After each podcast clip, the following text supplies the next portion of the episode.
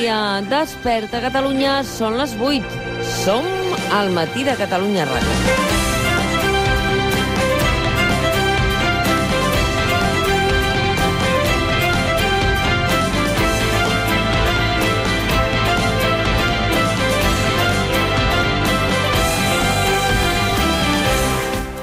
Comentava l'Elisenda Carot que hi ha una preocupació eh, general al Segrià, lògicament, perquè aquestes mesures que s'han pres de confinament perimetral de la comarca responen en aquests moments a 14 brots que estan sent rastrejats. També el doctor Antoni Trilla ens deia calen més eh, recursos per poder rastrejar tots els contactes. Deien, toquem fusta, que no reproduïm aquest estiu una segona onada de la Covid-19 i perquè això passi, les administracions han de fer bé la feina, és a dir, rastrejar al màxim tots els contactes i tenir tots els equips a punt per poder-ho afrontar. Nosaltres, la ciutadania, hem de mantenir les distàncies, hem de mantenir les distàncies de seguretat. Les distàncies de seguretat no les relaxem excessivament perquè és precisament a través del contagi de l'aire, diuen alguns científics, que aquestes microgotes acaben eh, portant-nos la Covid-19. Avui, que és un dia especialment delicat perquè es traslladen, es mouen aquests 40.000 estudiants que afrontaran les proves de selectivitat. Amb les mans netes, naturalment, amb el gel hidroalcohòlic a tot arreu, amb totes les mesures de protecció que calgui. Que tingueu molta sort. També els del Segrià, perquè hi ha 1.700 estudiants amb restriccions més severes que avui se sotmetran en aquest examen de selectivitat.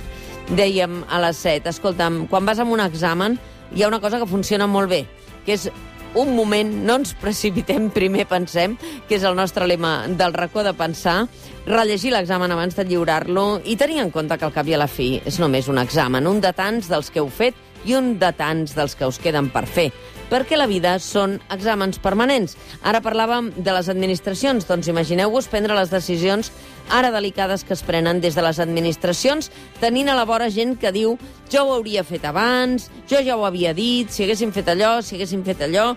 Uh, Fernando Simón ahir deia jo hauria fet el tancament del Segrià abans. Hi ha gent aquí que li deia jo hauria fet el tancament d'Espanya abans.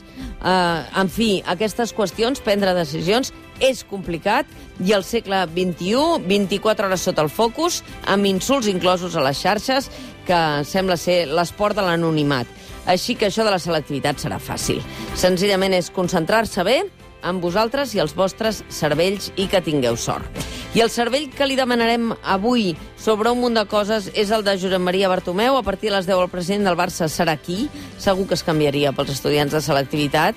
Amb aquesta lliga perduda del bàsquet, amb aquesta lliga de futbol que no se sap bé eh, si es podrà salvar, amb un Messi que no sabem ben bé si vol continuar o si no, i ahir havent de fer pública una auditoria que descartava que el club s'hagués dedicat a encarregar feines per treure draps bruts o desacreditar els adversaris de la directiva. Però, en canvi, l'auditoria que ens avançava en Jordi Borda ahir a les 10 eh, aquí al matí de Catalunya Ràdio, el director adjunt d'aquesta casa, en Borda deia molt bé, diu que no s'han encarregat aquests estudis que aquesta feina estava dins dels preus de mercat, però hi ha hagut fragmentació de contractes. Quin era responsable? La auditoria diu Jaume Masferrer. Veurem què ens explica avui Josep Maria Bartomeu a partir de les 10.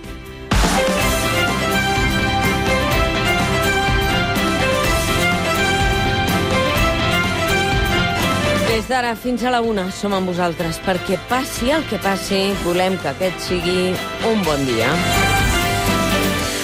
El matí de Catalunya Ràdio, amb Mònica Terribas.